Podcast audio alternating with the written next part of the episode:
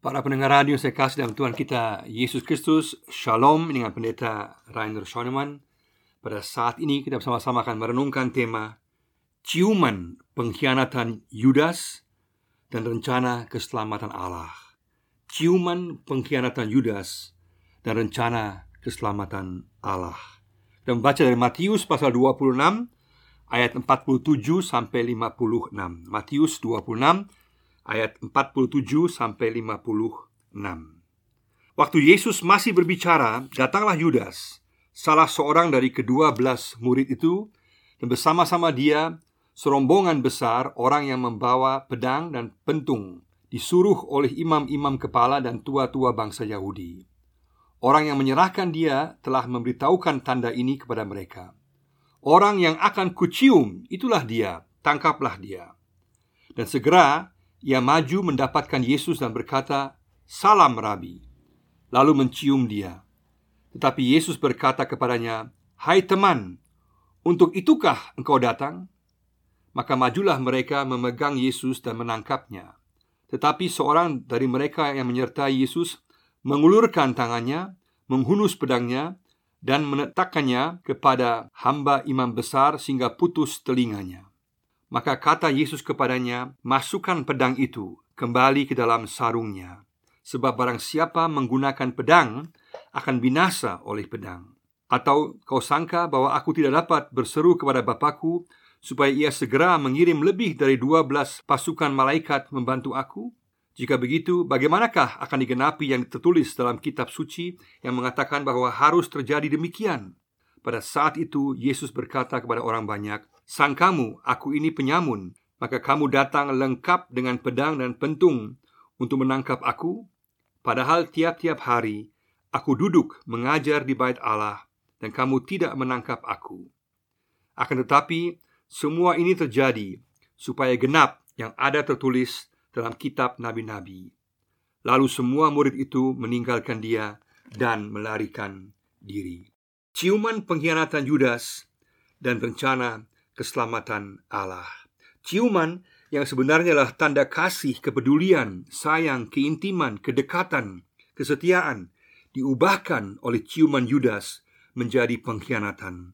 Yudas yang arti namanya adalah memuji atau dipuji, menunjukkan tindakan kebalikannya, sama sekali tidak terpuji dan melakukan yang paling parah, yaitu pengkhianatan. Nama lain, tindakan lain. Orang Papua bilang latihan lain, main lain. Yudas adalah simbol pengkhianatan sehingga nama yang sebenarnya bagus itu dirusak dan setahu saya tidak banyak orang memberikan nama Yudas kecuali mengikuti nama Yudas saudara Yesus penulis surat dalam perjanjian baru. Satu orang merusak nama yang indah. Meskipun demikian, ciuman pengkhianatan Yudas ini yang membawa kepada penangkapan Yesus tidak dapat menggagalkan rencana keselamatan Allah lewat Yesus. Karena di atas segala sesuatu yang menentukan adalah kehendak Allah. Meski secara manusia kelihatannya Yesus gagal, tetapi Allah tetap mencapai tujuan keselamatannya dan akhirnya menang. Kerajaan Allah tidak dapat digagalkan oleh kehendak-kehendak manusia yang lain. Meskipun banyak orang yang tidak mengertinya bahkan melawannya, tetap Allah akan mencapai tujuannya. Dari dalam peristiwa penangkapan Yesus ini nampak jelas perbedaan yang besar mengenai pemahaman kerajaan Allah dan bagaimana hal itu dapat terwujud.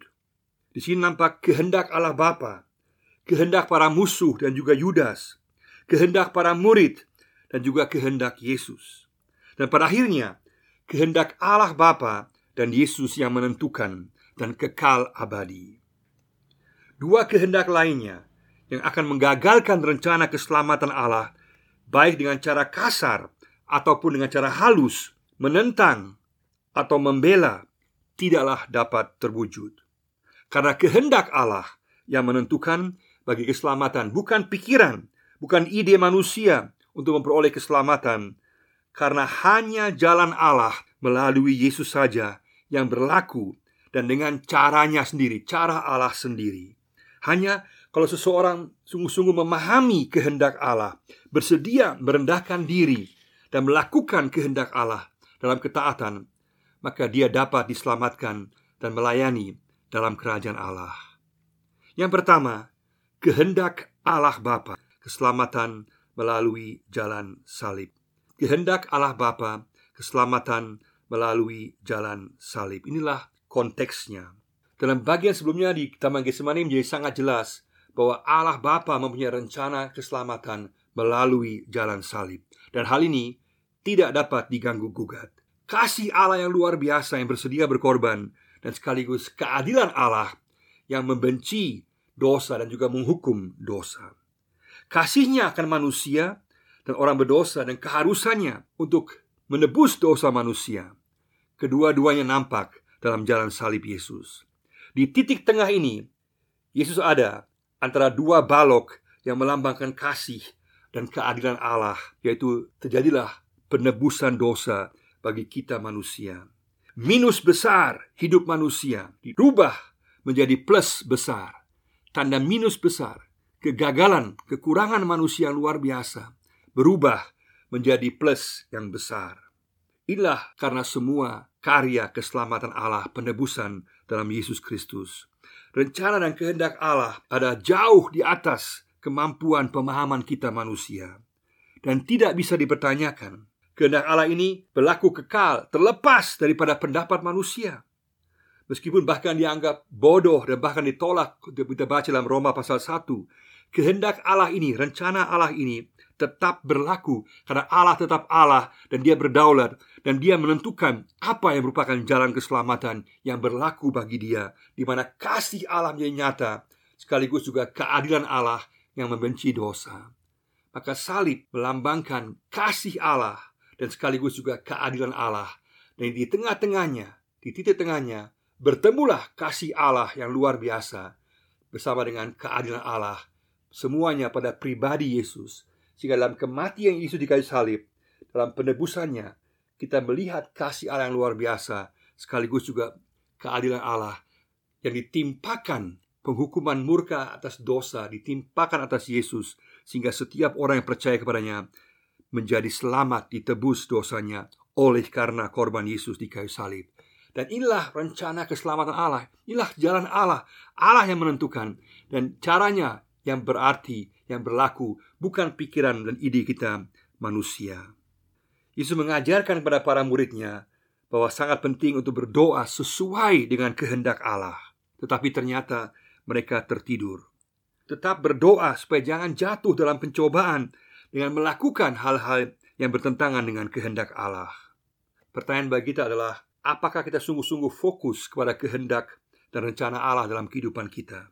Maukah kita sungguh-sungguh hidup seturut dengan kehendak Allah, mementingkan kehendak Tuhan di atas kehendak kita sendiri, mengakui bahwa rencana keselamatan Allah, penebusan Allah berada di atas segala pemikiran kita manusia. Katakan Tuhan, kita mau datang, kita mau mengakui kedaulatanmu, kita mau menerima cara keselamatanmu, kita mau bersyukur bahwa di kayu salib bertemulah kasih dan keadilan Allah yang membawa penebusan dosa bagi setiap kita yang percaya kepada Yesus. Yang kedua di sini adalah kehendak para musuh dan Judas menyingkirkan Yesus dengan segala cara. Kehendak para musuh dan Judas menyingkirkan Yesus dengan segala cara. Ayat 47 sampai ayat 50. Ada sekelompokan besar orang di malam hari itu datang untuk menangkap Yesus di bawah pimpinan para pemimpin agama dan juga ada perwira Romawi serta juga Yudas. Masa itu termasuk juga pasukan Bait Allah dan juga satu kohort tentara Romawi. Satu kohort sekitar 600 prajurit yang kemudian datang untuk menangkap Yesus. Sungguh jumlah yang luar biasa banyak untuk menangkap satu orang. Alasan mereka untuk menangkap Yesus beragam-ragam jenisnya.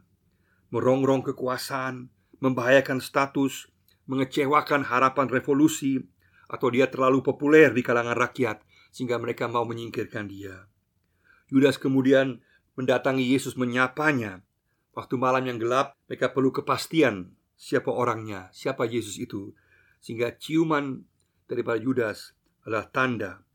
Karena dulu tidak ada foto dan juga tidak ada media sosial, sehingga juga banyak orang tidak tahu siapa orangnya. Sehingga pada malam hari pada saat gelap, Yudas kemudian datang ke Yesus supaya semua yang lain yang mungkin belum sungguh-sungguh mengenal Yesus, para prajurit, mereka kemudian tahu siapa yang harus ditangkap. Sapaan kehormatan, salam rabi, menjadi salam penghinaan. Ciuman persahabatan menjadi ciuman pengkhianatan. Yesus tetap tenang, namun tetap tanya akan motivasi Yudas, tetapi dia tidak menjawabnya. Bagaimana sampai bisa Yudas mengkhianati Yesus? Jawaban utamanya adalah Yudas dimasuki oleh iblis karena memberikan ruang dengan fokus kepada uang, kepada kekuasaan, kepada kepentingan diri sendiri, kepentingan revolusi, kepentingan ide pikiran-pikirannya sendiri. 30 uang perak sama dengan gaji orang kerja empat hari. Tidak banyak sebenarnya.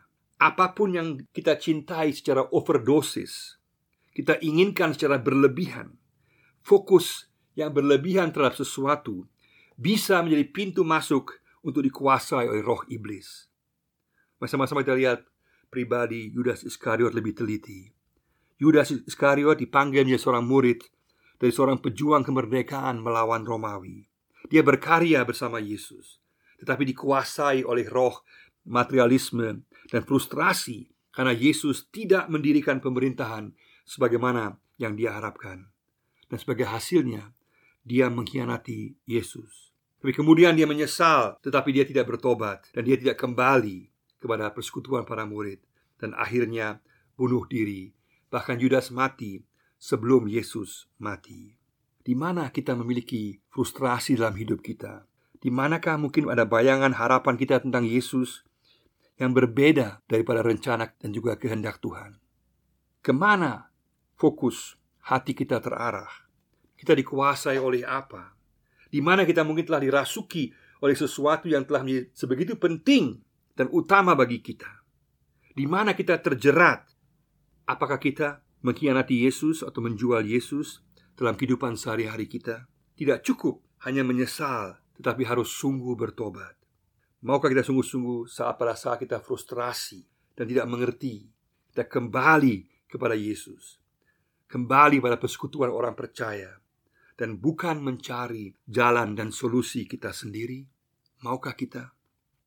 Yang ketiga, kehendak para murid ingin membela dan menghalangi penangkapan Yesus. Kehendak para murid ingin membela dan menghalangi penangkapan Yesus.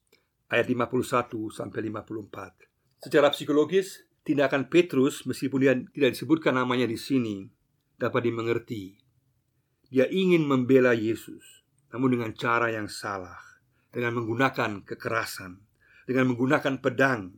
Kalau Yesus tidak langsung menyembuhkan telinga prajurit Romawi itu, pastilah Petrus ditangkap.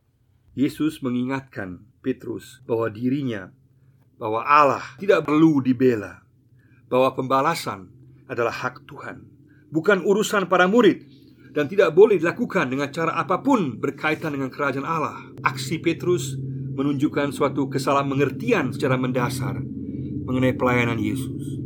Dia frustrasi bahwa Yesus tidak mendirikan kerajaannya dan kini ditangkap.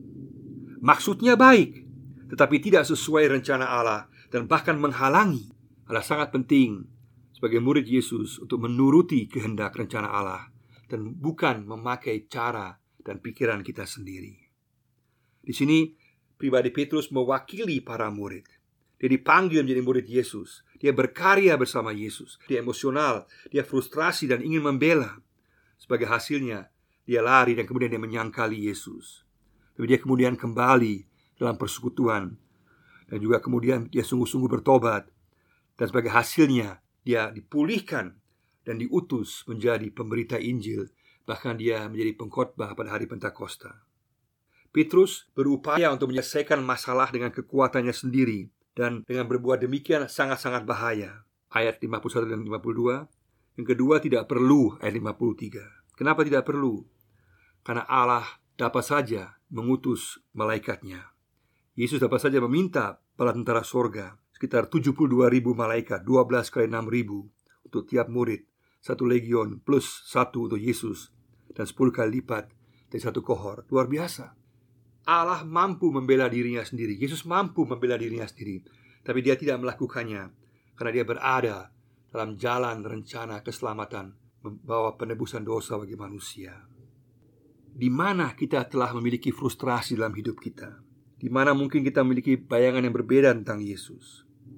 Maukah kita sungguh-sungguh menyerahkan persoalan kita, masalah kita kepada Tuhan? Maukah kita sungguh-sungguh meyakini akan pemeliharaan Tuhan? Tidak memaksakan cara kita sendiri, tidak membalas kejahatan dengan kejahatan, tetapi dengan kebaikan. Maukah kita sungguh-sungguh pada saat kita frustrasi Kita kembali kepada Yesus Yang keempat di sini adalah Kehendak Yesus Menuruti kehendak Bapa Dan menggenapi firman Tuhan Dalam menempuh jalan salib Untuk keselamatan manusia. Ayat 55 dan 56 Kehendak Yesus Menuruti kehendak Bapa Dan menggenapi firman Tuhan Dalam menempuh jalan salib Untuk keselamatan manusia.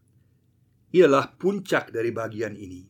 Karakter kepribadian Yesus yang tenang menonjol di sini di tengah-tengah situasi yang sangat parah dan menyedihkan. Yesus telah sungguh-sungguh siap untuk membawa keselamatan bagi manusia lewat jalan penderitaan. Yesus digambarkan di sini menuruti kehendak Bapa, memiliki kuasa yang luar biasa, tetapi tidak menggunakannya. Dia tetap tenang dalam situasi yang menyedihkan, bahkan dia menyembuhkan telinga Maltus Kita baca Lukas pasal 22 Yesus tahu segala sesuatu Bahwa semua ini harus terjadi Ada kata DI di sini Ada keharusan ilahi Semua ini Jalan keselamatan lewat salib penderitaan ini Adalah kehendak Bapa. Dia tahu bahwa apa yang dilakukan adalah Penggenapan daripada nubuatan dan rencana Allah Yesus memberitakan kedaulatan Allah dan juga firman-Nya kepada para penangkapnya. Dia katakan bahwa mereka sebenarnya hanyalah Allah di tangan Tuhan. Karena Allah yang sebenarnya yang berdaulat. Dia yang berkuasa. Dunia yang tidak kelihatan lebih berkuasa atas dunia yang kelihatan. Meskipun baru akan terwujud di masa yang akan datang secara nyata dan total di akhir zaman. Tapi sekarang yang menentukan adalah menuruti rencana Allah untuk membawa keselamatan melalui penebusan dosa di kayu salib. Ini merupakan sebuah rahasia Allah yang luar biasa misteri Allah, tapi adalah juga bukti kasih dan keadilan Allah yang luar biasa. Petrus dan para murid kemudian lari dari Yesus, padahal hanya Yesus yang sungguh-sungguh dapat menolong mereka. Dan ini tidaklah boleh kita lakukan. Puji Tuhan bahwa mereka kemudian kembali dalam persekutuan orang percaya. Tuhan mengundang kita untuk kembali dalam persekutuan bersama-sama dengan Dia. Maukah kita sungguh-sungguh mensyukuri ketaatan Yesus yang membawa keselamatan bagi kita? mengatakan terima kasih Yesus. Engkau taat sampai mati bagi aku agar dosaku diampuni, agar aku memperoleh keselamatan. Aku sungguh-sungguh mau bersyukur dan aku juga mau taat kepadamu. Maukah kita sungguh-sungguh datang kepadanya? Jangan lari daripadanya. Dia mau menerima kita. Mari sama-sama kita secara praktis pada saat kita mengalami situasi frustrasi dalam kehidupan kita di mana ada tragedi besar yang terjadi dalam kehidupan kita, bahwa harapan kita tidak terwujud sebagaimana yang kita inginkan. Bersama-sama kita menghindari berbagai hal. Jangan kita terjebak dalam mentalitas massa. Jangan kita ikut-ikutan dengan suara banyak orang. Bersama-sama kita jangan fokus pada perasaan kita. Kita harus fokus kepada perintah Tuhan. Bersama-sama kita fokus kepada kebenaran Tuhan, bukan kepada pendapat manusia. Masa-masa kita fokus kepada hasil dan bukan hanya kepada hal yang sementara. Sungguh-sungguh fokus kepada apa yang merupakan rencana dan kehendak Tuhan. Masa-masa kita juga pada saat kita frustrasi, jangan menyelesaikan masalah dengan kekuatan kita sendiri. Karena hal tersebut akan berbahaya bagi kita dan juga tidak perlu karena Allah akan menyertai, mendampingi, menolong kita. Dan juga jangan sampai kita lari dari Dia, Yesus, yang hanya Dia yang dapat sungguh-sungguh menolong kita. Dan sama-sama kita berbalik kepadanya. Kita mensyukuri apa yang telah dilakukan bagi kita. Secara praktis, pada saat kita frustrasi, pada saat apa yang kita bayangkan tentang Yesus mungkin tidak digenapi sesuai kehendak keinginan kita sendiri. Kita sungguh-sungguh berdoa, kita mencari kehadiran Tuhan, kita mencari pemahaman akan rencana Tuhan. Kita mencari akan kuasa Tuhan kita sungguh-sungguh berjaga dan mempersiapkan diri Kita mempelajari firman Tuhan Kita mengandalkan firman Tuhan Supaya kita sungguh-sungguh dapat mengerti Dan hidup sesuai dengan rencana Allah. Di sini digambarkan sangat jelas ciuman pengkhianatan Yudas pada saat yang sama ada rencana keselamatan Allah yang luar biasa. Kehendak Allah Bapa, kehendak Yesus itulah yang menentukan bagi kita. Mari sama-sama kita mau mensyukuri bahwa Yesus taat kepada kehendak Bapaknya. Bahwa Allah Bapa kita mempunyai rencana yang indah agar kasih dan keadilan dapat terwujud dalam kematian pengorbanan Yesus sehingga kita semua diselamatkan. Mari sama-sama kita datang dengan penuh syukur karena dosa kita diampuni, karena kita memperoleh kepastian keselamatan dan kita katakan Tuhan, kita mau taat kepada kehendak Tuhan. Kita tidak mau mengambil inisiatif dan mau membuat hal-hal dengan cara-cara kita sendiri. Kita sungguh-sungguh mau hidup berdasarkan kehendak Allah Bapa. Karena kehendak Allah Bapa pasti baik bagi kita dan pasti akan membawa keselamatan. Kiranya Tuhan memberkati kita semua. Amin.